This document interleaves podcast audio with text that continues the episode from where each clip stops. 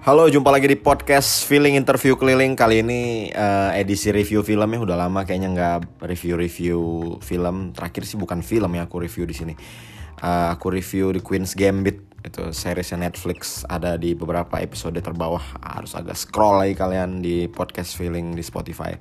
Udah lumayan lama nggak review-review gini. Sebenarnya ada banyak film yang mau direview Cuman males gitu kayak udahlah podcastnya judulnya interview keliling tapi malah nggak fokus ya. Ada review film ada monolog ada talk di idol ada interview artis ada interview temen. Bingung gitu cuman kalau nggak dikeluarin nih kayaknya sayang aja karena menurut aku ini adalah film yang Ciamik ya salah satu film yang keluar di akhir tahun 2021 menuju awal tahun 2022 kemarin nonton lumayan banyak di periode-periode segitu. Ada hmm, No Time to Die eh enggak No Time to Die enggak begitu akhir tahun tuh. Yang akhir tahun banget tuh Spider-Man, Kingsman, terus uh, ada beberapa film lagi waktu itu. Yang perbaru banget aku tonton itu 355 sama Black Box. Tapi satu film ini paling menonjol di antara semuanya paling mengecewakan sih 355 ya. Cewek-cewek berlima dikumpulin jadi agen rahasia mencegah perang dunia. Ya maksudnya itu udah dilakukan banyak film gitu. Tapi untuk film ini judul filmnya adalah uh, bisa dilihat di cover face, cover podcastnya yaitu uh, Nightmares Alley. Aku baru tahu ini ternyata film yang udah di recycle gitu. Jadi filmnya itu udah ada tahun 1947 dari novel yang usianya lebih tua lagi. Mungkin dari tahun 1947 bisa aja filmnya tahun 1945 gitu. Dibikin filmnya tahun 1947 dan dibikin lagi recycle-nya atau versi lebih modernnya sama kayak Superman ya. Superman kan tahun 70-an ada, tahun 80-an ada. Terus sekarang ada Man of Steel, Superman vs Batman dan lain-lain lah itu. Nah, si Nightmares Alley ini pernah dibikin tahun 1947 gitu loh. Tapi aku nggak nemu filmnya gitu. Baik di platform bajakan atau platform resmi bingung nih. Akhirnya nontonlah yang Nightmares Alley yang di bioskop beberapa minggu yang lalu. Sekitar dua atau tiga minggu yang lalu. Dua dua minggu yang lalu lebih tepatnya. Nontonnya itu pilihannya film-filmnya wah yang yang yang kira-kira semua orang bakal nonton lah. Nightmares Alley aku penasaran aku cari di apa namanya uh, sinopsisnya di Google. Ternyata oke okay nih tentang penipu. Nah, mari kita cerita sedikit. Jadi uh, aku tuh lumayan banyak ngikutin saudara Hollywood kayak Cameron pasti ya, Quentin Tarantino, Wes Anderson. Tapi ada namanya Guillermo del Toro, saudara Nightmares Alley ini. Aku lumayan jarang menikmati film-film dia nih Dan kayaknya Nightmare Alley ini film pertama yang aku nikmati Ternyata Hollywood tuh luas banget universe-nya gitu Sutradaranya nggak kayak di Indonesia kan paling yang punya ciri khas banget itu ya. Uh, kalau di Indonesia tuh kakak diraj ya, ciri khas tuh. Hanung Ernest Prakasa uh, yang Falcon siapa tuh? Anggi Umbara gitu. Itu ciri khas banget tuh signature banget. Kalau kita nonton film ini wah ini Anggi Umbara banget. Wah ini Ernest banget. Wah ini kakak diraj banget. Wah ini Hanung banget gitu. Kalau di Hollywood itu paling yang wah ini uh, ya paling itu kalau di Indonesia ya empat itu yang khas banget. Tapi bukan berarti yang lain gak bagus. Yang lain bagus-bagus aja. Kayak di Jai itu bagus Joko Anwar apalagi bagus banget. Cuman kan masih gampang dihafal ya kalau di Indonesia tuh sutradara yang khas banget itu. Paling 7 5 gitu.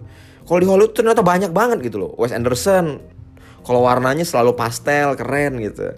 Kalau Quentin Tarantino selalu absurd tapi deep gitu.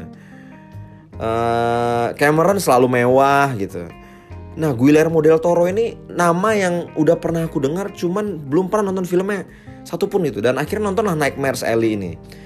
Banyak penggemar Del Toro yang bilang uh, kayak kayak reviewer-reviewer yang di YouTube gitu yang udah nonton Del Toro berkali-kali gitu di film-film sebelumnya bilang ini adalah gaya penulisan Del Toro yang baru gitu yang mencoba agak lebih pop gitu. Agak lebih bercerita gitu. Biasanya Guillermo tuh Del Toro itu selalu memberikan narasi-narasi di awal film, terus biarkan filmnya berjalan, endingnya biar ditafsirin masing-masing gitu. Tapi kalau di di uh, Nightmare Alley ini nggak begitu gitu. Jadi uh, dia memulai selayaknya film-film pada umumnya gitu. Kita cerita aja. Jadi uh, Nightmare Alley itu bercerita aktornya keren banget Bradley Cooper. Ini aku begitu aku cari sinopsisnya sebelum nonton nih, katanya Bradley Cooper bakal telanjang selama 6 jam demi adegan ini. Woi, aku kira adegan telanjang apa ternyata disensor ya. Sama kayak Parasite ketika adegan seksnya juga kan disensor tuh pas hujan-hujan tuh. disensor tuh untuk platform bioskopnya. Tapi kalau kalian nonton di Netflix atau di mana gitu pasti ada tuh adegan itu. Nah, Nightmare Alley ini ternyata ada beberapa bagian yang disensor. Cuman sensornya nggak mengganggu batang tubuh cerita ya. Cuman disensor ya karena kayak kurang perlu aja gitu loh. Dan boros durasi kan durasinya panjang banget nih.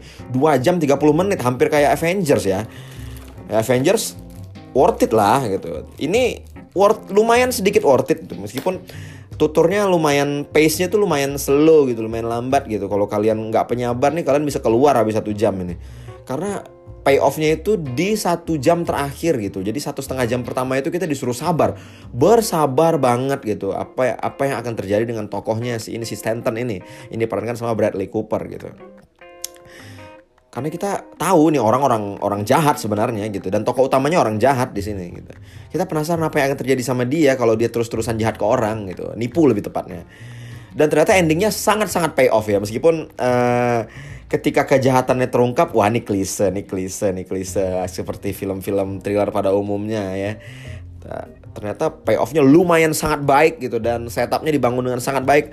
Punchline-nya adalah callback beberapa kata-kata yang jadi kunci di dialog-dialog sebelumnya kita cerita aja sinopsisnya. Jadi ada seorang yatim bernama Stanton ya, diperankan oleh Bradley Cooper. Tapi yang main di sini ada Kate Blanchett, William Dafoe, Richard Jenkins, uh, David Stan dan Ron Perlman.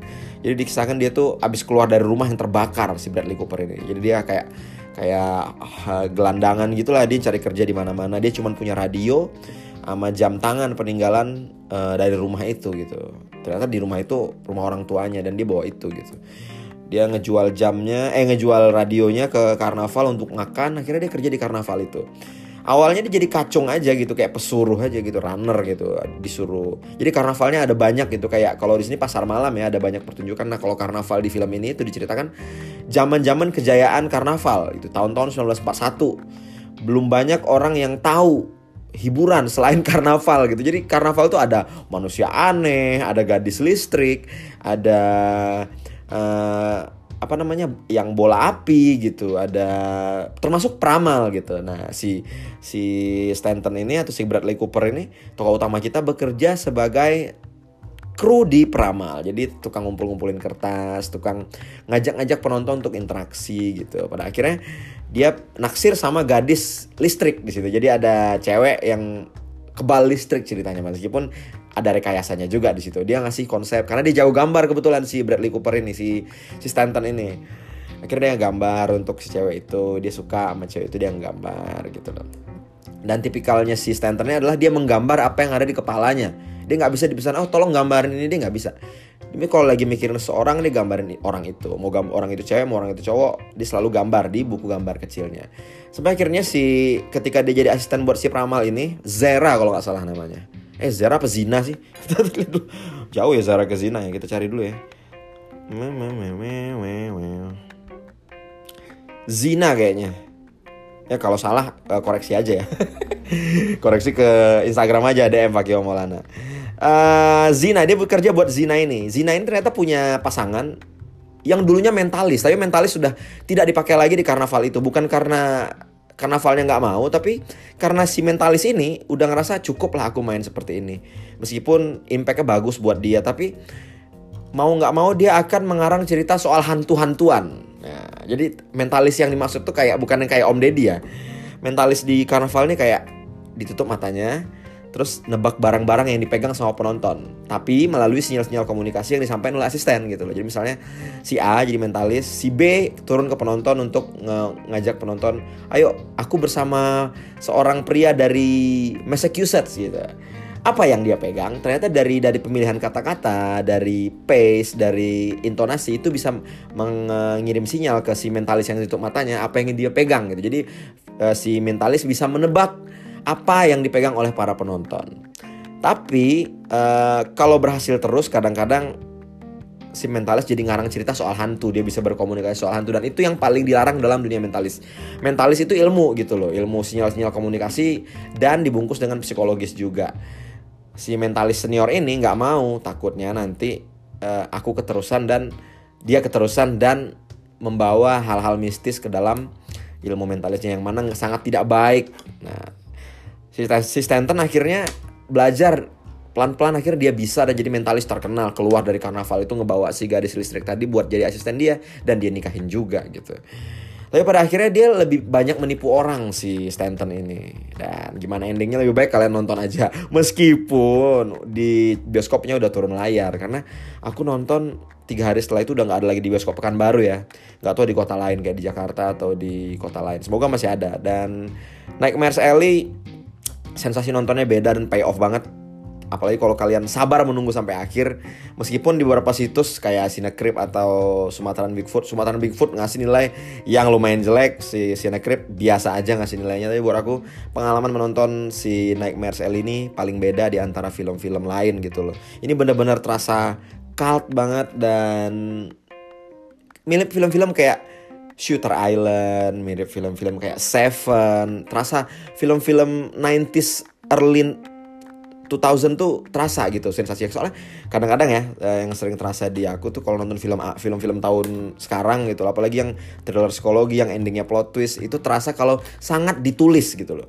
Ini juga terasa sangat ditulis naik Marel ini cuman ngalir aja gitu. Jadi kayak kita tahu nih ini ditulis cuman ngalirnya bagus gitu kayak film-film tahun 90-an kayak Fight Club gitu loh filmnya Brad Pitt gitu kan bagus gitu loh thriller tapi bagus gitu kalau sekarang Tilara tuh terasa banget di desain, terasa banget makeupnya gitu. Kalau si Nightmare L ini nggak begitu terasa makeupnya, biarpun uh, color gradientnya juga sangat terasa ya, editingnya juga sangat terasa banget.